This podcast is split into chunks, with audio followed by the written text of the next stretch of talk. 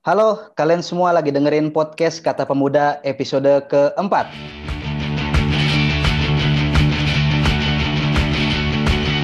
We worked our way up from East End pubs to gigs and backstage passes, Xboxing champs, West End clubs, Americans in dark glasses, driving 10 grand cars, drinking hotel bars, even making money in bed. They wouldn't be no loss, they ain't worth a toss. It's about time they all dropped dead. Take 'em all, take 'em all. Memasuki bulan-bulan terakhir di tahun 2020 masih menjadikan kesehatan sebagai prioritas di kehidupan sehari-hari ya. Tingkat kasus positif di Indonesia juga belum benar-benar reda.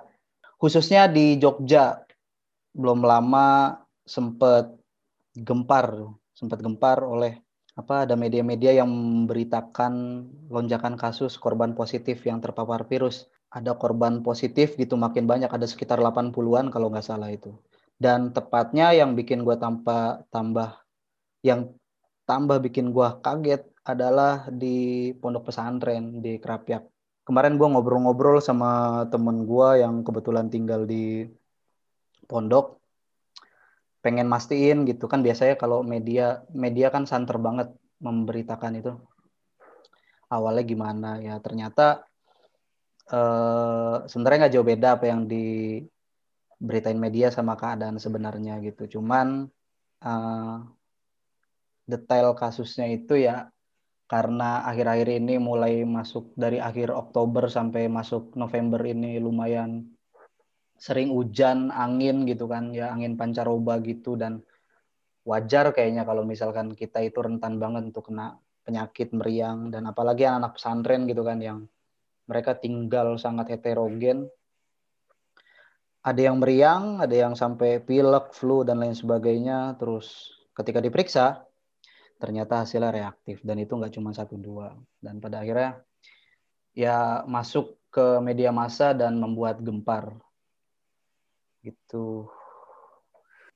Gue sempat berspekulasi padahal pas awal-awal uh, pandemi ini merebak ke Indonesia gitu. Melihat uh, bagaimana tanggapan masyarakatnya dan juga terlalu santai menurut gue terlalu santainya pemerintah menanggapi adanya COVID-19 ini.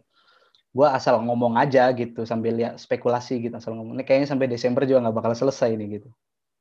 Dan sekarang udah November ya mudah-mudahan teman-teman semua sehat seluruh badan dan mentalnya.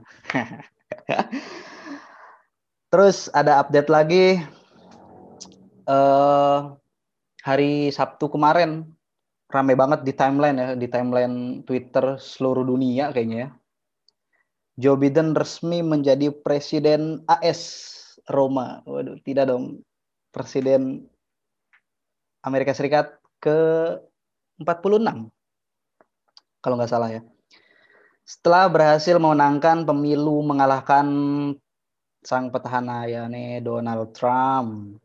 Yang gue lihat sih bukan kemenangan ya, tapi proses pemilunya itu lumayan seru sih. Maksudnya kelompok katakanlah eh, Donald Trump itu berasal dari kelompok kanan ya kan. Dan dan yang gue pahami gitu orang-orang yang berasal dari sayap tersebut ya sifat karakternya itu gue bisa relate gitu sama apa yang terjadi di negara gue sendiri gitu. Apalagi yang bikin gue nggak nggak habis pikir adalah ketika debat satu debat presiden ke berapa gitu yang jilid ke berapa gitu. Terus biasanya kan kalau debat presiden ada moderatornya gitu kan ada moderatornya terus moderatornya itu yang memimpin jalannya debat dan dia yang memandu pertanyaan-pertanyaan gitu. Ketika uh, Donald Trump dipersilahkan menyampaikan jawabannya ataupun pandangannya dia berbicara dengan sangat menggebu-gebu. Tapi sebaliknya ketika Joe Biden yang dipersilahkan berbicara gitu Joe Biden Joe Biden memang terkenal apa seorang pejabat publik yang kerap bermasalah dengan uh, salah omongnya gitu. Uh, terakhir gue lihat di berita dia kayak gitu gitu. Nah ketika dihadapkan dengan pesaingnya Donald Trump, Donald Trump tuh kayak mengunderestimate gitu loh si Joe Biden lagi ngomong tiba-tiba disela gitu. Nggak gitu, nggak gitu. Lu salah. Ngeselin ya gitu. Lu ngomong, "Wah, menurut saya Amerika ini oh, salah lu." nggak, nggak gitu, nggak gitu. Aduh, lucu sekali. Ada kabar juga di Indonesia Habib Rizik Syihab, pemimpin besar Front Perjuangan eh Front Pembela Islam FPI akan segera tiba pulang ke Indonesia. Halan wasalam, Beb. Mantap lah. Baik gua Habib Rizik selain seorang ulama yang teramat dihormati di Indonesia, menurut gua beliau adalah orator ulung lah, keren. Gua kalau ikut aksi demo gitu, yang gue contoh dan kalau misalnya suruh orasi ya, yang gue contoh cara orasinya ya beliau. Jujur gue bukan bukan siapa aktivis siapa ya beliau yang gue contoh. Karena gaya orasinya itu wah ngeri sekali coy. Podcast ini direkam seminggu yang lalu.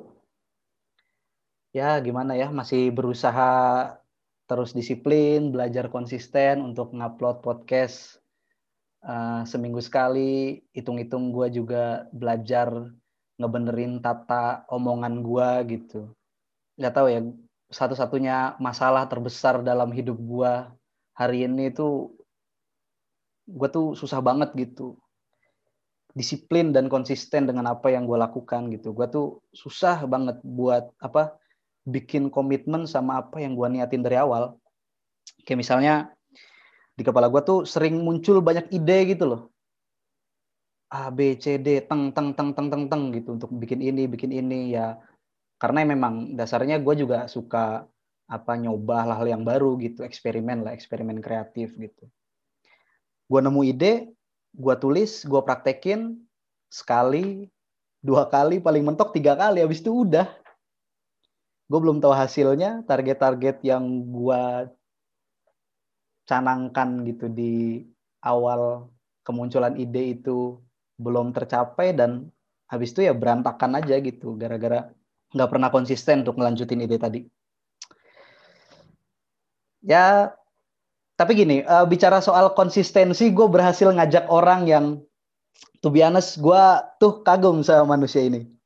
Ya, gue nggak mau nolak lama-lama nih, langsung aja. Banyak hal yang udah dia lakukan gitu, yang mana itu gue gua lihat sendiri dengan mata kepala gue sendiri berbuah hasil gitu. Sementara ya gue masih gini-gini aja gitu sampah gitu.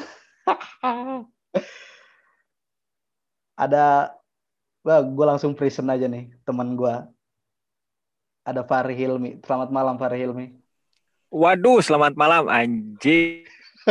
Itunya apa namanya Present, presentasinya terlalu au. Enggak enggak. Karena karena gini satu gue ngiri gitu. Gue ngiri bukan cuma malu ya sama teman-teman kita juga gitu ya. Beberapa teman-teman kita kan ada yang orang-orang yang ambisius terus tapi bener gitu loh. Ambisiusnya di jalan yang bener. Artinya dia punya ide dia ngelakuin ide itu terus punya hasil gitu dari ide yang dia praktekkan gitu ambisius nah, ya pokoknya ambisiusnya memang produktif ya, uh, ambisius positif gitu ya. Uh, uh, Banyak teman-teman kita juga sih. Nah, ini buat kalian mungkin ini siapa nih sih anjing lu siapa sih ngomong-ngomong ya.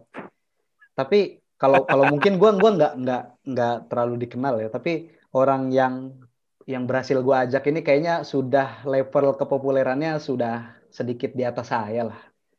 Skena standar sebenarnya gitu. di skena per apa ya? skena apa sih kita nyebutnya tuh? Kalau kalau anak stand up kan skena stand up komedi. Ada stand, skena hip hop skena seni lukis. Kita skena apa ya? Skena apa ini anjing? Literasi oh, anjing. Skena literasi Indonesia nggak pernah. Iya lu tuh uh, di podcast kata pemuda ini lu tuh pernah gue undang kan waktu apa iya, iya namanya iya, pernah, waktu awal-awal episode lah waktu bener-bener eh, nyoba-nyoba gitu bikin podcast gitu dan waktu itu kan posisinya kita sama-sama mulai ya kan pas selesai iya, bener, dari bener, bener. UKM kan dari organisasi pers kampus kan kita kayak ngobrol-ngobrol gitu kan. Wah lu abis selesai di Lagi bareng-bareng start ya. Ah, ah, lagi selesai di retor lu mau ngapain Ri gitu. Gue pengen bikin ini. Gue juga Iya, kan gue pengen bikin ini. Kita bareng-bareng start Iya. cuman anjing kata gue udah udah kebalap berapa lap gue ini. bikin akun pikiran lelaki dan sekarang capaiannya udah 10.000 ribu koma sekian followers udah bisa swipe up kalau bikin story itu anjing banget sih Aduh. Iya. ya karena kan eh, orang-orang emang perlu cari cari ini aja sih, cari letak ideal mungkin ya. Karena nggak semua beruntung aja sih menurut gua kalau memang dilihat dari sisi engagement gitu ya. Segi follower gitu. Iya, Tapi segini juga masih masih kecil ini. Tapi gue gua kepo nih satu hal. gue kepo satu hal yang gue pengen tanyain ke lu nih. Kita nggak, gue nggak pernah nanya ini di forum-forum offline gitu. Gue gue pengen nanyain langsung di podcast gue. Sebenarnya goals hidup lu tuh apa sih? Anjing, ini belum pernah pas ngopi juga lu, lu pernah nanya ini. Goals hidup gua ya. Sebenarnya agak heroik, tapi eh kalau mau disebutin dengan kata-kata emang emang cenderung nantinya jatuhnya jadi terlalu heroik. Ini gua kedengeran kan suara gue ya? Yo yo yo. yo. Kalau mau dijabarin pakai kata-kata emang menurut gue bakal jadi terlalu heroik. Tapi kalau boleh gue jawab sih, goals hidup gua ya simple. Goals hidup gua tuh jalan jalan hidup gua selama ini yaitu eh kalau emang apa namanya tidak bisa memberikan manfaat untuk orang lain, ya tidak menyusahkan orang lain itu sih. Enggak enggak itu terlalu Tujuan- general. Enggak terlalu general. gue pengen yang detail gitu. Lu mau ngapain di hidup lu? Oke. Nah, itu kan istilahnya prinsip ya. Kemudian kita turunin lah jadi bentuk bentukannya apa sih gitu kan? Lembaganya ntar apa atau eh, nanti lu mau bikin eh bayi yang kayak gimana dari prinsip yang lu bilang itu tadi kan kayak gitu. Kalau gue sih karena emang orang tua basic guru, keluarga juga basic guru gitu dan gue juga punya keresahan di di pendidikan. Dan gue ngerasa kayaknya semua pangkal persoalan ini ada di pendidikan kita. Gini sih gini, gini sih. Kalau misalkan dari kecil sampai sekarang gede dunia guru itu gue tahu dunia pendidikan lah maksudnya ya. Gue tahu karena memang keluarga gue mayoritas guru. Nenek bapak kakak-kakak semuanya guru. Bahkan sampai adik-adik gue bau-baunya ke arah situ. Jadinya gue Oh. tahu kayak seluk beluknya gitu, seluk Apa beluk di dalam istilah Sundanya tuh tereh gitu ya? di balik apa namanya ya dunia perguruan yo ya perguruan Pe- apa pendidikan lah ya. Jadi gue pengen sebenarnya punya nggak terlalu muluk-muluk sih. Yang penting punya suatu lembaga yang sekiranya dia bisa menjadi alternatif aja sih alternatif dari dari pendidikan mainstream sekarang gitu. Gue pengen punya lembaga sendiri yang bukan cuma mengedepankan kualitas tapi juga bisa kalau nggak bisa gratis ya semurah-murahnya lah untuk untuk para pelajarnya nanti gitu. Kalau materialnya kalau ditanya nanti yang pastinya itu sih gue pengen hari tua gue hari tua gue di, dipenuhi dengan kesibukan itu ngurus itu mungkin gitu bang Oke oke oke. Enggak, gue pikir gue pikir lu tuh pengen apa gitu, pengen revolusi, pengen wow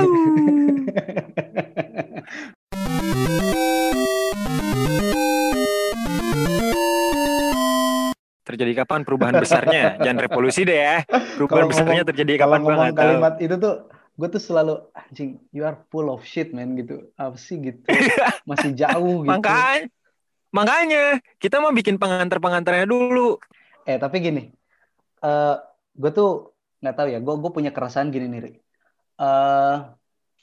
Setiap orang yang yang akhirnya dia sadar gitu bergerak sesuai kesadarannya gitu bikin sesuatu ya yang sifatnya itu eh, memperjuangkan hajat hidup orang banyak gitu nah ya ya ya ya. Nah, dia itu pasti gue tuh selalu kepo sama misalkan ada tokoh atau orang-orang yang ada dari dulu sampai hari ini gitu. Gue selalu kepo bukan hanya pada sepak terjangnya gitu. Sebagai orang yang tadi gue sebutin kan. Tapi Hmm. yang gue kepoin itu latar belakangnya gitu. Dia siapa sih gitu? Latar belakangnya maksudnya dia lahir dari Iya, keluarga iya, iya, apa gitu dan ternyata Hmm, hmm, hmm. kebanyakan itu ya yang yang akhirnya gue kayak nggak tahu ya ini bener atau enggak gitu. Gue kayak ya anjir pantes lah lu bisa kayak gitu gitu. Lu punya privilege banyak banget men gitu. Iya benar benar benar. Heeh, entah privilege secara ekonomi, lu punya eh, keistimewaan-keistimewaan yang lain gitu. Sedangkan apa ya yang yang gua pikirin gitu hari ini gitu, anjir, gua gua jauh dari itu semua gitu. Gue jadi jauh dari itu semua. Terus gua tiba-tiba nyebur di suatu skena yang Eh, yang yang mendidik gue tuh untuk menjadi pemain dalam tanda, tanda kutip gitu. Alih-alih harusnya gue jadi pemain, mental gue malah jadi kayak mental MU bangsat. Tuh kan lu mental, maksudnya lu bangsat. Ntar lu di- diserang anjing. tuh kan lu mental MU kan. Gimana tuh? MU tuh se- sekarang ini MU tuh selalu merasa dirinya tuh klub besar gitu loh. Klub klub jago gitu, klub jago gitu. Padahal sih lu tuh juara Liga Inggris sih 10 tahun yang lalu gitu ya. Ya, ya lu jago 10 tahun yang lalu gitu. Sekarang lu biasa aja gitu. Nah, gua jadi punya mental gitu juga gitu, mental MU gitu, merasa masuk ke dalam skena, gua aktif di organisasi, eh, belajar ini dan itu, akhirnya jadi a priori dan mentalnya MU gitu. Privilege sebenarnya keras keresahan gua anjing. Eh gua ngerasa ada perubahan di keresahan, yoi. Rasanya sama, rasanya tetap ada, tapi kayaknya eh point of view-nya jadi beda. Dulu gua nganggap privilege itu kayak sesuatu yang turun dari langit yang kemudian kita tuh gak bisa ngubah dan gak bisa nolak gitu. Gak bisa minta. Di situ gua ngerasa down, kayak ngerasa anjir, gak bisa ngapa-ngapain nih gitu. Kayak Maksudnya kita emang- udah nggak punya pilihan gitu ya. Iya, kayak kita udah kayak gak punya pilihan. Kayak orang-orang eh, apa namanya? Ini pemikiran lama gua ya. Orang yang lahir dari bapak yang ya mungkin kalau pakai standar eh, apa namanya? kesuksesan, kebermanfaatan, orang-orang yang lahir dari misalkan anak pejabat atau anak pengusaha ya, dia akan terus terus melanjutkan terah terah ayahnya itu atau terah orang tuanya itu sehingga dia akan terus sukses, sukses, sukses kayak gitu. Tapi Oke, kemudian oke, kok oke. semakin semakin bergeser semakin keresahan gua tuh salah menurut gua gitu, gak tepat. Pertama kali gua gua ngerasa kayak ada yang salah dengan pemikiran gua soal privilege itu saat gua ngobrol sama lu sebenarnya waktu dulu. Dan lu tuh ngobrol sama si ini loh, anak anak anak arena siapa tuh namanya lupa gua yang kembar salah satunya tapi gua yang yang ngomong yang mana gua nggak tahu tuh Ya Dul, Dul. Si Dul kan. yang di camp Iya, iya, iya, iya. Gimana tuh? ngomong Oh. gini Ah, eh kita ini orang yang lahir dari kalangan kelas menengah ke bawah. Apa sih modal kita nanti gitu? Apakah setelah lulus dari kuliah kita pulang dan hidup kita kemudian langsung terjamin gitu? Maksudnya dia lagi mengkritik yang gue tangkap mengkritik orang yang buru-buru lulus. Gue nggak jelek-jelekin juga. Let's say ini jalan hidup dia lah ya. Dan gue setuju meneladani. Tapi bukan berarti cara lulus cepat itu jelek enggak. Gue meneladani itu. Gue mikir ya juga. Gue balik ntar ng- emang dijamin sama siapa ntar di rumah gitu. Disponsorin sama siapa.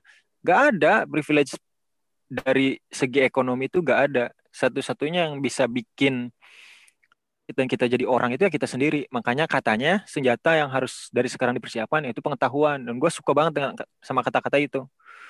Makanya dari situ gue mulai banyak belajar, banyak mempelajari hal yang yang yang sebenarnya udah cukup hidup lu gitu. Tapi gue nggak nggak nggak mau puas dengan itu. Setelah dengar kata-kata itu ya, oke gue harus tahu apa, apa pun kayak gitu. Bahkan hal-hal yang sebenarnya kalau gue obrolin ke beberapa orang, orang-orang yang lawan bicara gue su- suka nganggap ngapain sih mikir ke situ-situ. Misalnya kayak eh, apa ya namanya Eh, eh, pemilu AS ya misalnya Joe Biden lawan Joe Biden apa Joe Biden sih bacanya ya apalah.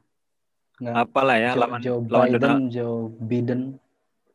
Joe Biden lawan Donald Trump lu kalau pulang ke Sukamandi misalnya ya lu ya Lu ngob- ngomong ngobrol tuh sama teman-teman sekampung sekampung lu tuh tentang tentang pemilu AS tuh. Lu ngobrolin sedip mungkin, sedalam mungkin uh, analisis lu, pembacaan lu. Gue yakin minimal satu orang bakal ada yang bilang ngapain sih mikir-mikir itu pemilu AS, pemilu dalam negeri aja kadang-kadang kita nggak peduli kan ya. Tapi gue nggak mau anjing. Boleh lah uh, harta yang kita punya jauh sama orang-orang kaya ya. Tapi otak, pemikiran, pandangan harus sama. Ketika orang-orang kaya merhatiin pemilu AS, Misalnya, ini misalnya, gue juga harus tahu dong dampaknya buat gue ntar apa kan kayak gitu.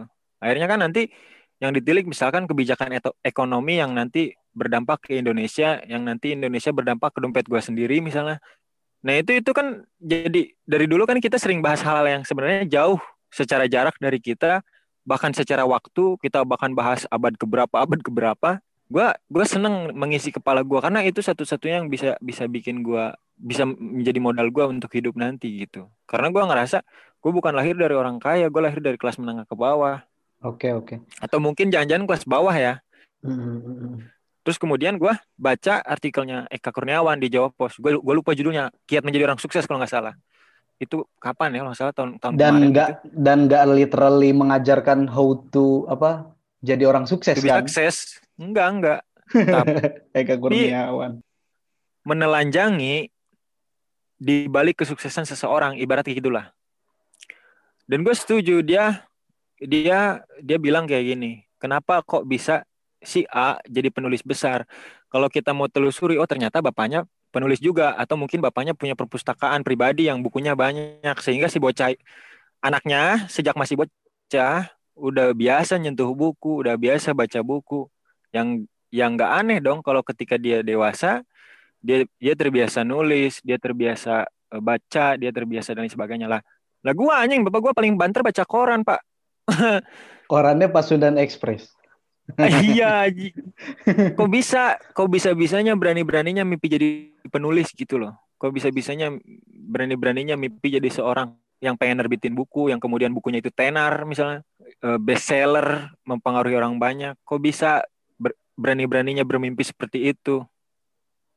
Ternyata uh, ada salah satu hal yang yang bisa membuat kita setidaknya sampai di titik yang sama dengan orang-orang yang punya privilege yaitu pengetahuan yang kita dapat sendiri kita gerak sendiri kita cari sendiri mengembara lah ya. Uh. gue setuju tuh di situ. Akhirnya keresahan gue yang dulu gue anggap kayak anjing gue nggak bisa ngapa-ngapain nih. Gue lahir dari orang miskin gue pengen pengen sukses pengen jadi presiden misalnya pengen jadi pengusaha besar nggak akan bisa. Karena gue nggak punya privilege itu. Ternyata gue salah pak. Ternyata privilege itu ada dalam bentuk yang berbeda-beda di setiap orang tergantung gimana dia manfaatin dan bisa bisa sadar ada privilege itu oke oke uh, satu tokoh sih yang gue gitu. kagumin kalau kita ngaca ke sejarah ya gue ada tokoh yang gue kagum gitu uh. dari, dari latar belakangnya kayaknya dia bukan siapa-siapa gitu tapi kemudian bisa uh, mencuat gitu jadi jadi salah satu tokoh uh. yang disegani dalam sejarah pergerakan nasional sebelum kemerdekaan gitu. Semaun, lu tahu orangnya kan? Dia berani gitu loh ya, menembus menembus banyak dominasi para bangsawan gitu waktu waktu itu para putra-putra adipati, putra-putra bupati yang privilege, yang punya privilege karena waktu itu punya kesempatan sekolah dan lain sebagainya. Dia waktu itu nggak tahu gue bener apa enggak ya ini ini gue gua apa nyampein apa yang berdasarkan gue baca ya ternyata Semaun berhasil gitu mimpin mimpin salah satu organisasi terbesar pada waktu itu Syarikat Islam dan dia jadi ketua cabangnya kan? Ketua cabangnya Syarikat dan Islam. ketua cabangnya dan berhasil hmm. punya sikap sendiri gitu loh berhasil independen uh, nggak nggak nggak kemudian digoyang sama apa organisasi induknya gitu. Satu apa satu sisi gue nyadarin yeah, ternyata independen. Uh, satu sisi gue nyadarin ternyata uh, privilege itu ada kalanya bisa kita bikin gitu ya bisa bisa kita ketika betul betul betul udah, betul betul, uh, betul. udah ada gitu kita bisa memaksimalkannya. Ketika belum ada ya dicari gitu. Apa kira-kira? Dengan tadi senjatanya pengetahuan betul gitu. betul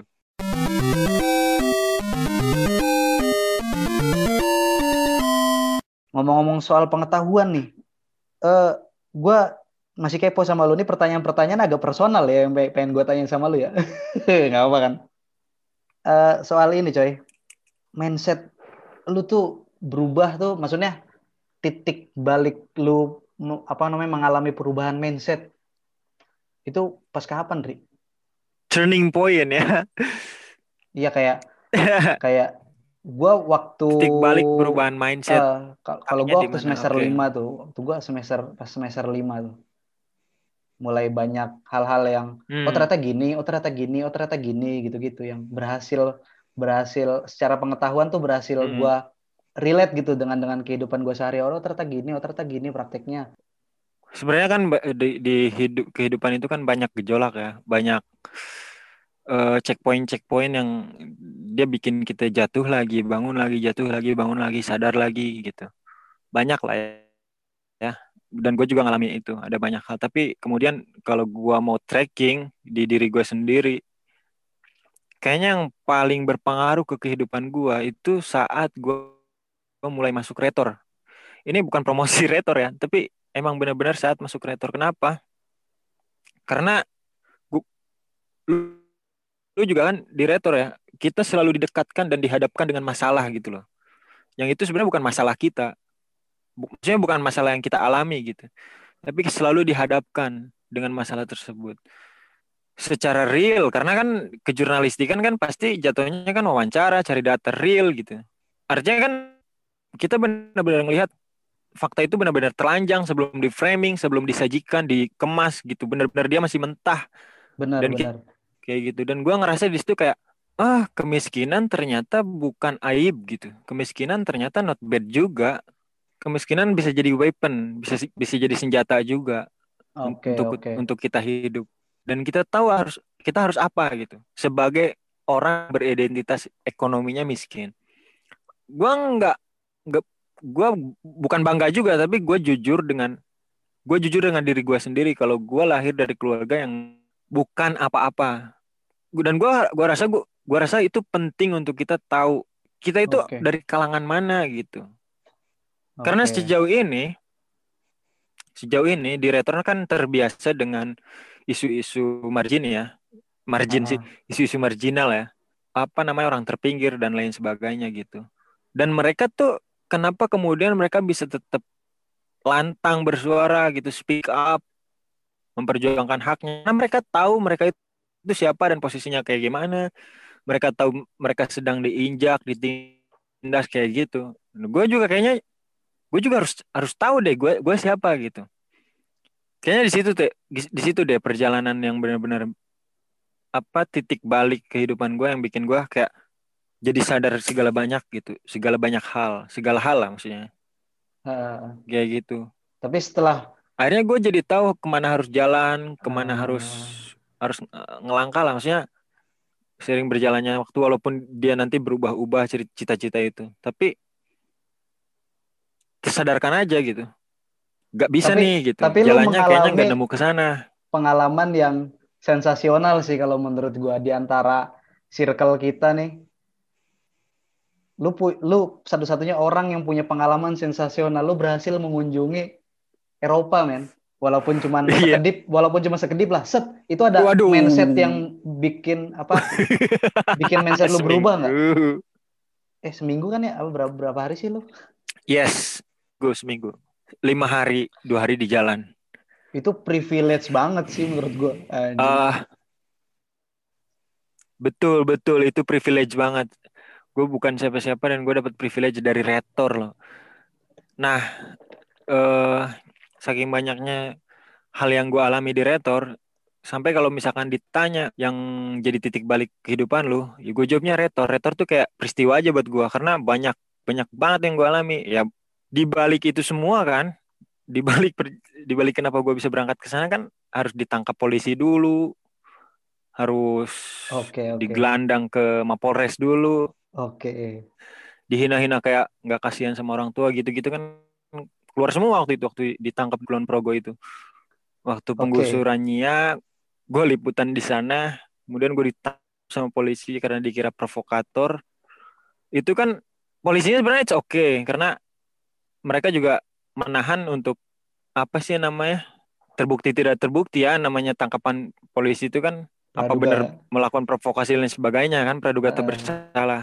Iya, Yang bikin iya, riuh iya, itu iya. sebenarnya di luar itu. Kayak misalkan orang orang sekitar kampus gua sendiri eh, keluarga gue sendiri malahan kayak banyak banyak eh, neken lah banyak ngehujat itu benar-benar oh, anjing bikin galau kok bisa gue cuma nulis sesuatu yang benar-benar terjadi di depan mata gue gue gue nggak dibayar sama warga Kulon Progo anjing. Tapi gue pengen ceritain aja apa yang terjadi di sana. Apa yang apa yang gue lihat doang gitu loh. Gue nggak mau bikin-bikin dibikin-bikin gitu. Nggak mau bikin tulisan yang di dibuat-buat. Tapi pengen apa adanya aja bercerita aja. Kok bisa dianggap masa depan gua nggak cerah masa depan gua buram gitu.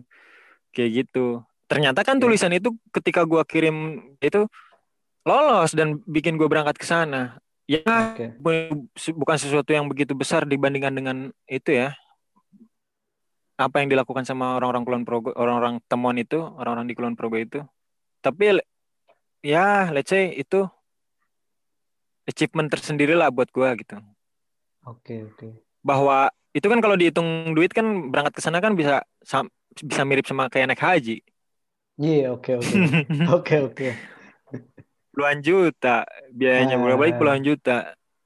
Sedangkan gua ng- biar istilahnya gini gua bisa dapat uang puluhan jutaan gitu ya. Bisa dapat uang puluhan juta dari dari bagaimana gue fokus gua jujur dengan cerita apa yang yang gue lihat kayak gitu.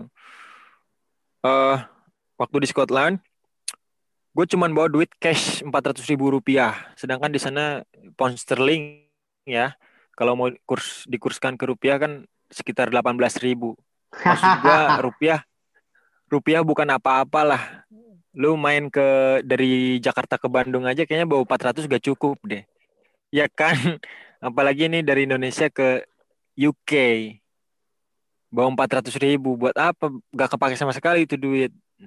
Kalau misalkan dipa dipakai mindset minder dengan peserta lain delegasi lain dari negara lain bahkan dari sesama orang Indonesia kalau mau dibilang harusnya minder.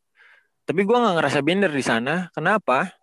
Karena gua tahu ya itu tadi. Karena gua tahu gue miskin gitu loh ngerti gak lu mau menjerit sekeras apa pun lu mau nangis darah se- sederas apa pun kalau memang kemampuan yang nggak nggak bisa nyampe ke sini menyesali kesel bikin capek bikin negatif aura negatif tuh ngumpul di, di pikiran gitu.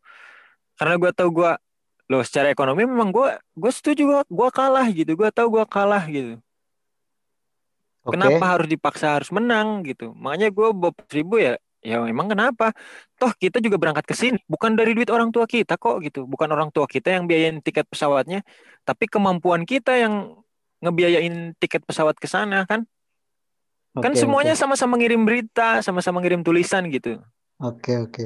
dan yang lolos yang berangkat. Artinya kan secara kemampuan gue setara sama delegasi dari negara-negara lain juga. Tapi Anjing. secara ekonomi ya salahin orang tuanya lah aja orang tua masing-masing.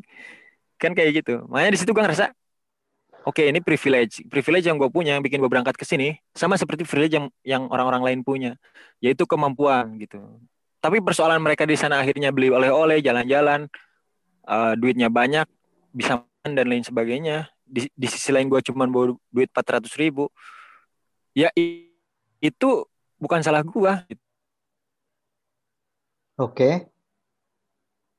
kemudian menyesal apa namanya? Kalau mau dibilang duh anjing nggak bisa jalan-jalan gara-gara gak punya duit.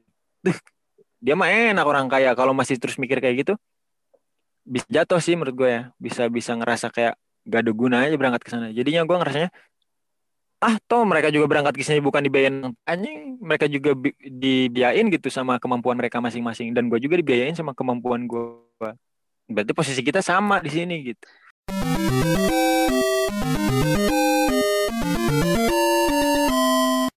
nah Nah, betul. gitu. Lu kan juga bikin sesuatu nih, pikiran lelaki nih anjing kata gua. Keren sekali nih dia bisa bikin dan dan ada hasilnya gitu. Gue pengen nanya, lu punya kesan apa gitu dari eh, akun pikiran lelaki ini? setelah bikin akun pikiran lelaki ya, eh gue emang bikin akun itu kan eh, sambil minum minum air ya, pengen pengen mengekspresikan karya desain, karya karya gue lah ya di bidang media. Di sisi lain juga gue pengen belajar banyak soal isu yang gue yang diang bukan yang gue angkat, yang diangkat di pikiran lelaki yaitu kesetaraan gender. Kemudian diperluas jadi kemanusiaan kan gitu. Oke oke oke. Karena kan seiring berjalannya waktu kan kita belajar terus belajar gitu. Nah kesan yang yang gue dapat dari dari akun yang gue bikin itu, eh uh, semakin hari kok bahkan ketika gua nggak ngepost pun kok follower datang lagi datang lagi gitu banyak orang yang nuduh gue beli follower kalaupun emang punya duit untuk beli follower kayaknya gue lebih milih beli rokok daripada beli follower oh, oke oke oke tapi semakin hari follower kok semakin datang nah sebenarnya kedatangan para followers itu bikin hati gue jadi kayak uh, gemeter sih soalnya kenapa kayak anjir banyak orang yang menunggu konten selanjutnya gitu dari pikiran lelaki. Di sisi lain gue kayak sibuk sendiri sama kehidupan gue. Oke. Okay. Gue sibuk sendiri sama uh, kerjaan, cari duit gitu. Tapi pikiran lelaki ini kadang naik, kadang turun gitu. Kadang setiap hari per hari ada konten, ada konten, ada konten. Sampai sekarang, sekarang ini lagi nggak bikin konten-konten terus. Terakhir terakhir bikin konten waktu uh, awal-awal demo Omnibus Law. Oke. Okay. Pasca itu kemudian turun lagi. Kalau kasus selalu gue update, tapi kok kayaknya bikin gue kayak ah gitulah ya sebagai kreator lu tahu sendiri lah ya. Malas itu kan musuh utama. Oke. Okay, Malas okay. dan inkonsistensi, tidak konsisten. Jadi kesan gue seperti gini, kayak gini. Orang banyak yang membutuhkan uh, konten gue di saat orang-orang banyak membutuhkan follower. Ngerti gak? Gimana gimana maksudnya gimana? Gini, orang yang seorang kreator kan gitu, yang bikin platform, entah dia bentuknya apa, ya katakanlah seorang kreator Instagram, baru bikin akun Instagram misalnya, pasti yang didambakan kan followers ya. Oke. Salah satunya lah, walaupun nggak nggak cuma itu doang. Karena kan kreator kan bikin karya, karya itu kalau nggak ditonton ya nggak selesai dong, kayak gitu harus di harus dilihat harus diapresiasi artinya kan dia mendambakan kedatangan penikmat penonton kan kayak gitu okay. artinya followers itu kan juga penikmat dan penonton pemberi komentar dan yang kemudian menjadi pendukung pasti kreator-kreator saat awal-awal bikin akun kan mendambakan kedatangan followers ya nggak okay. nah ya, paham sekarang gue. gua gua dulu gua dulu waktu Mar gua kalau nggak salah Maret 2019 bikin akun itu Jujur gua memang postingan awal lu Februari 2019 gue lihat. Oh Februari ya Februari 2019 postingan awal. Memang gue jujur gue mendambakan followers.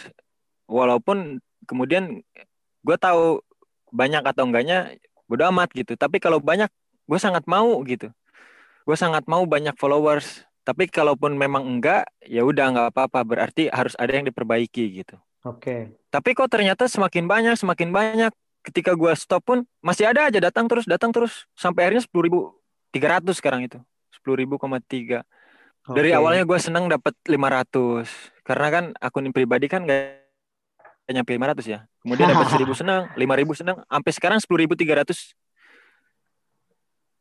Dan gue stop bikin konten followers tetap datang. Sekarang kayak timbal balik followers yang mendambakan konten pikiran lelaki. Bukan konten gue sebenarnya konten yang diangkat pikiran lelaki itu konten kesetaraan gender yang di yang di yang dia keluar dari dari pikiran seorang laki-laki gitu.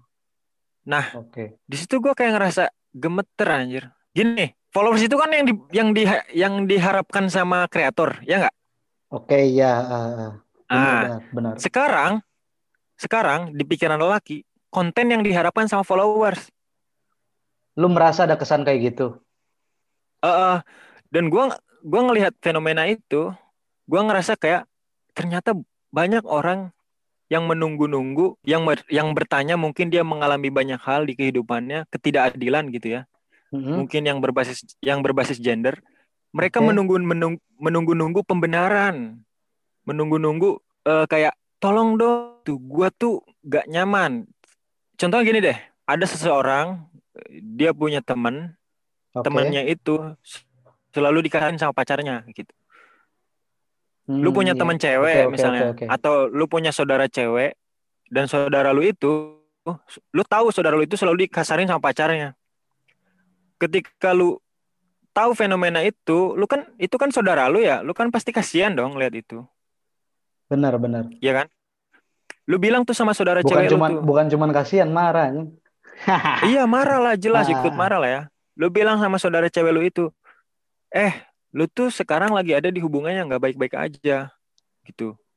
Pacar lu itu telah melakukan ini ini ini ini ini misalnya. Secara teori misalnya. Pacar lu tuh seperti yang dilakukan oleh pelaku ini seperti yang dilakukan oleh pelaku ini. Tapi misalkan si saudara cewek lu itu bilang enggak kok aku nggak apa-apa kayak gini misalnya. Yang penting hubungan kita baik-baik. Nah lu tuh butuh pendukung ap- apa yang mengafirmasi pendapat lu itu biar bisa dibaca sama saudara cewek lu itu. Nah lu nunggu konten-konten itu. Misalkan lu bilang lu ke saudara lu nih. Lu follow dah tuh pikiran lelaki misalnya biar lu tahu baiknya hubungan tuh kayak gimana gitu. Walaupun akun-akun yang lain yang lebih yang lebih bagus kontennya dan lebih bermanfaat banyak juga. Tapi gue ngerasa kayak ada juga nih kepikiran lelaki.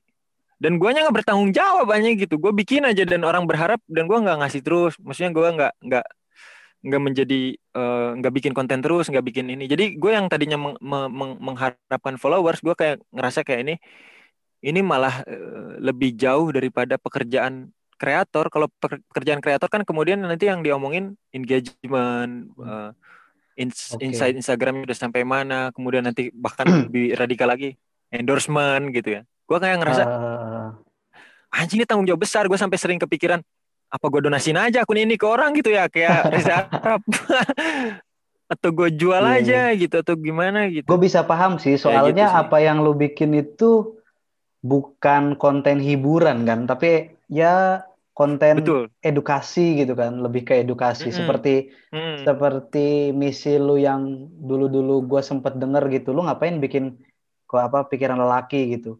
Ya soalnya di circle kita ya belum ada tuh gitu, belum ada tuh gitu laki-laki yang laki-laki betul Ya, laki-laki yang punya sensitivitas sensitivitas gender gitu kan. Kata gue, oh, bener. sensitivitas gender Gue waktu itu mikir, oh iya brilian juga gitu mikir. Cuman eh gue ke sini-sininya gitu. Setelah gue tadi tahu kesan lu gitu. Lu pernah nggak gitu diasumsikan sama follower-follower lu gitu ketika pada akhirnya eh, pikiran laki itu di apa yang adminin dan bahkan yang yang jadi seorang kreatornya itu adalah Fahri Hilmi gitu.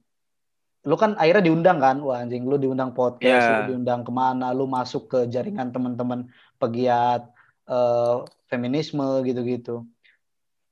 Ya- yang mana lu akhirnya jadi jadi sering dimention gitu, di dimention oleh oleh teman-teman di di skena itulah, di skena teman-teman pegiat isu-isu gender gitu. Lu pernah nggak diasumsikan sama apa merasa diasumsikan sama follower lu gitu eh atau yang lainnya lah gitu sebagai pahlawan gitu. Ada memang DM DM banyak ya kayak ngasih apresiasi macam terima kasih telah ada gitu. Oke. terima kasih telah ada teman-teman. Mereka tan mereka kan bilang teman-teman padahal gue sendiri tuh. Eh, yang mana? Tolong tetap ada itu yang lebih eh, wah yang, lagi lebih. yang mana lu lu pernah mewanti-wanti diri kan pak Gua gua pernah baca tulisan lu yang yang satu-satunya tulisan yang diterima di asumsi.co itu kan gue sepakat apa apa apa- sama sama apa yang yang lu gagas gitu bahwa nggak usah nggak usah percaya gitu kalau sama laki-laki yang ngaku-ngaku ataupun yang banyak bacot soal feminisme atau soal kesetaraan gender gitu. Kecuali dia begitu terus sampai dia mati gitu baru lu Ya. baru percaya gitu bahkan lu ngasih penghargaan gitu itu kan yang lu wanti-wanti gitu. Tapi ketika Betul. pada pada apa namanya pada kenyataannya banyak juga yang menyanjung banyak yang muji banyak yang punya ekspektasi gitu. Lu pernah dianggap menganggap diri lu sebagai pahlawan atau lu pernah dianggap secara subjektif oleh orang-orang atau follower lu sebagai pahlawan gak sih? Ya kalau mau gua maknai sih kemungkinan yes. Walaupun gue dengan kerasnya berkampanye bahwa jangan ngarepin gua gitu maksud gua gua hanya sebagian kecil gitu tapi kemudian tetap DM itu terus banyak kalau kayak gini kan juga bisa dibilang mereka nganggap kayak gue agent atau hero dari eh, laki-laki yang eh, speak up soal Oke. ini ya kesetaraan. Ah. Misalkan kayak ini. Yang mana term-term kepahlawanan, heroisme-heroisme itu secara mental masih ada, tetap ada di di kalangan kita gitu. Betul, kayak seakan-akan Ah, tolong bang, cuman lu yang bisa nah itu kan gitu-gitu kayak gitu. mental kayak misalkan gini. gitu ya. Kayak misalkan ada salah ada ada orang-orang misalkan yang DM, DM screenshotan, screenshotan misalkan di Twitter eh, thread seseorang misalnya yang mengalami eh, pemerkosaan misalnya. Dia screenshot thread kemudian dikirim ke Instagram pikiran lelaki. Gue baca sebenarnya. Oke. Tolong dong angkat. Nah, itu kan kayak semacam tolong dong Bang, cuman lu bisa cuman lu doang yang bisa gitu. Nah, Soalnya lu punya udah punya senjata gitu, artinya Memang, katakanlah betul, ya. katakanlah pikiran lelaki sudah menjadi pemimpin opini gitu. Da, ya salah satu leader Ya, opinion katakanlah. gitu. Kalau kalau kita ini kan kita kan apa ada istilah leader Opinion leader. gitu dalam dalam apa dalam eh, ruang publik. Iya. Heeh. Ya, mereka juga pasti mempertimbangkan. Lu kan punya gede sepuluh ribu, kemudian eh, platformnya juga dilihat dilihat banyak orang. Itu kan sepuluh ribu kan hampir sama kayak kapasitas stadion PT IKA Jakarta yang sih anjing. lu kalau ngupdate story itu yang lihat berapa? Maksudnya sampai 24 jam tuh yang lihat paling paling banyak berapa? Itu bisa sampai seribu kalau story. Bisa sampai 1000.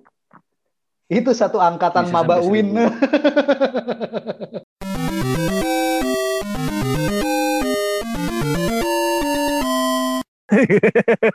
sama satu angkatan Maba Win itu nonton itu ya. Iya. Lu lu Nonton story ditonton anjing. oleh orang yang jumlahnya itu ya satu angkatan maba win dari semua fakultas gitu.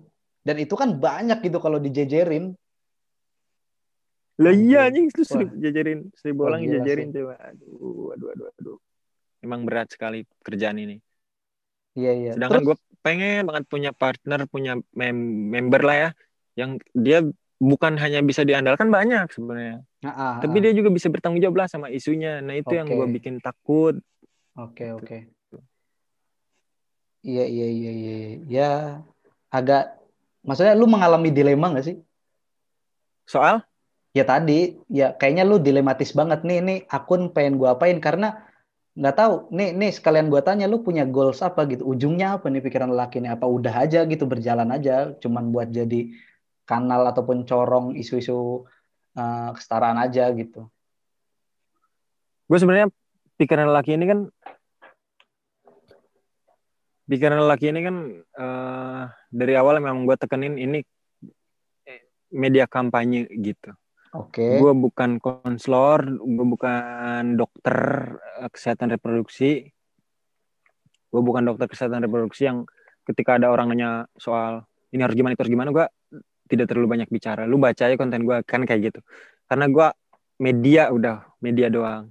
Yang Oke. gue kapasitas gue kan itu jurnalistik. Jadinya ya itu bikin konten, liputan, bikin konten, liputan, bikin konten. Berarti Ah. cuman sekedar kampanye-kampanye gitu ya? Iya dari awal, tapi kemudian Ah. kok kayaknya gak cukup nih kalau kita cuma gerak di media sosial. Oke. Karena seiring berjalannya waktu itu hanya perlu but, hanya butuh konsistensi aja sambil sambil sambil lalu nanti meningkat meningkatkan lagi jenis konten, meningkatkan lagi jenis konten gitu. Misalkan nanti jadi ada video, nanti ada jadi jadi ada wawancara itu kalau memang konsisten pasti akan terjadi. Hmm. Tapi gua ada mimpi, gua pengen bikin jejaring eh, Partai. lembaga konseling gratis. Jejaring partai. Bangsat, bukan dong. Jejaring lembaga konseling untuk laki-laki korban kekerasan seksual. Gratis gitu. Sepulau Jawa dulu deh. Itu yang pengen gue bikin. Sepulau Jawa. Pulau Jawa, jejaring Edan. karena lelaki. Edan. Karena waktu kasus Gilang Bungkus, Oke. kan kor- korbannya kan mayoritas lelaki nih. Ya, ya, ya, ya, ya, ya. Itu itu para pendamping sangat kesulitan mendapatkan konselor-konselor yang bisa nanganin laki-laki karena memang kebiasaannya kan nanganin perempuan. Gua nggak ngerti soal konseling tapi gue yakin ada ada material-material ada cara-cara yang berbeda pastinya kan treatment yang beda antara perempuan dan laki-laki dan mungkin kebetulan banyak konselor atau banyak lembaga konseling yang belum gitu Oke. belum punya keahlian untuk treatment korban nah makanya gue mikirnya oke harus bikin jadi gerak di offline juga gitu Oh. Ah, tapi balik lagi ke media digital, Ri. Lu kan hari ini katakanlah dengan pencapaian lu kayak gini gitu dan dan gua ngelihatnya ini bakal bakal eh, bakal lebih punya perkembangan lagi ke depannya. Lu ngelihatnya media digital hari ini tuh kayak gimana sih? amin harus anjing ma- pertanyaannya wah Eh, media massa, media sosmed gitu. Apalagi sekarang platform-platform terbaru kayak podcast nggak baru-baru juga sih gitu ya. Podcast terus eh, kanal-kanal yang lain lah. Menurut lu gimana sih? Lu lu ngelihat ada tantangan, peluang dan lain sebagainya nggak di di skena media digital? halo suaranya hilang tadi Iya, lu lu punya pandangan kayak gimana sih ngelihat media digital hari ini? Ngelihat tantangan, peluangnya gitu-gitu. eh sejak sejak kemunculan TikTok gua gua sadar sesuatu. Apa tuh? gue sadar sesuatu. Lu pasti men- banyak apa- apa gue nggak tahu kalau lu bagian dari itu. Tapi minimal lu pasti tahu banyak orang yang menuding TikTok sebagai mm, platform kampungan ya nggak sih? Platform norak gitu. Gue nggak sepakat sih sama sama tudingan itu. sepakat ya tapi kemudian gue melihat kayak banyak orang yang minimal lah ya di selingkungan gue menganggap TikTok itu norak kalau kalau gue punya akun TikTok anjing pribadi. Bahkan udah punya konten dua. Nah gue ngelihat emang sih gue setuju di TikTok. Mayoritas konten yang dibuat oke? Bukan berarti nggak ada yang berguna nggak bukan. Tapi mayoritas konten yang dibuat adalah Nora. Tapi kita lihat, kita lihat penggunanya, usia rata-rata penggunanya berapa sih gitu di TikTok itu? Indonesia doang deh. Oke, eh, Kan usia usia Banyak produktif. kan usia-usia usia-usia belum matang ya, usia-usia belum matang. Nah, ini ngeling sama eh, pandangan kita terhadap Facebook. Facebook kita anggap sebagai me- media sosial yang penuh dengan orang tua. Media sosial yang penuh dengan eh, kemonotonan lah ya. Kayak nasihat, kayak inspirasi gitu. Kayak bapak-bapak, ibu-ibu banyak di Facebook jual beli. Oke, Dan oke, kemudian eh, anak-anak sebaya kita, anak-anak sebaya kita, mayoritas ber- bergerak di Twitter ya, dan beberapa di Instagram. Anak-anak yang sebaya kita nih, mayoritas bergerak di Twitter dan Instagram. Di Facebook memang ada, tapi kebanyakan bapak-bapak, ibu-ibu. Nah, di TikTok ini anak-anak kecil, anak-anak di bawah kita gitu, anak-anak usia-usia usia-usia apa remaja lah. Maksud gua yang mau gue bilang apa? Gue yakin Instagram kan pernah juga mengalami masa itu. Masa di mana kenoraan itu produk apa bejibun lah di Instagram banyak lah Nora semua. Karena penggunanya saat itu masih tumbuh. Saat penggunanya sudah semakin dewasa, sudah semakin apa usia bertambah, konten yang dibuat akhirnya kan jadi nggak Nora lagi. Jadilah Instagram tidak Nora gitu. Kemudian sekarang kenapa TikTok kayak seakan-akan Nora? Karena memang penggunanya juga baru tahu dunia gitu, baru tahu hal-hal yang kayak misalkan editing, Oke. baru tahu Sama ketika gitu. awal kemunculan Facebook juga begitu kan? Betul, awal kemunculan Facebook juga ada masa di mana kita ngetik pakai angka huruf besar huruf kecil dicampurkan kayak gitu. Oke, oke. Aja aja AZH4 gitu. Azha gitu. Kayak Oke, gitu. oke, oke, oke. Nama campur-campur segala macam. Tapi seiring berjalannya waktu kok Facebook nggak nggak kayak bocil lagi kok jadi kayak orang tua gitu. Karena memang mungkin penggunanya semakin hari semakin tumbuh dewasa. Nah, gua ngelihatnya kayak media digital ini semakin hari akan terus datang lagi, datang lagi, datang lagi, dan dia di- akan terus dihuni oleh orang-orang baru lagi. TikTok ini, kalau gua bo- boleh sok tahu, Oke. eh 5 10 5 10 tahun ke depan TikTok akan menjadi media yang tidak norak. Percaya nggak? Dia akan bahkan menjadi media yang jadi trendsetter, jadi media yang bisa ngasih banyak untuk dunia ini, untuk Indonesia ini, kayak Twitter gitu bisa trending topik, trending topik yang sangat mempengaruhi gitu. Bahkan sampai ke kancah politik kan sangat mempengaruhi juga di di Twitter. Kalau sekali viral, polisi bisa bergerak gitu. Twitter tuh. Gue gue yakin TikTok akan akan ada di masa itu juga. Tapi Oke, ketika oke. TikTok ada di masa itu, akan muncul lagi Platform yang lain. remaja tanggung lagi. Oke, I- itu platform pola lain, polanya kayak gitu ya. Gue tebak polanya kayak gitu. Makanya gue ngelihat potensi media digital. Kita sebagai pelaku nih harusnya jangan terlalu kolot gitu. Misalkan kayak gini, jangan di TikTok dah, Nora. Enggak. Kita harus jadi ibaratnya itu tongkrongan anak-anak kecil loh, anak-anak SMP, SMA, TikTok tuh ya. Ayo kita ikut nongkrong ke mereka, kita kasih mereka konten-konten yang bisa berguna buat karena mereka tuh baru tahu sebenarnya Nora itu Hmm. mereka pamer motor, mereka pamer baju, mereka pamer editan, editan video, mereka tuh baru tahu. Padahal editan-editan kayak gitu udah lama sebenarnya ada. Kayak misalkan TikTok dub smash kan udah ada dari dulu. Tapi kayak seakan-akan baru ada sekarang. Gini gini Sama deh, gini deh. Karena mereka Eh, baru ngeliat gitu. Gini deh.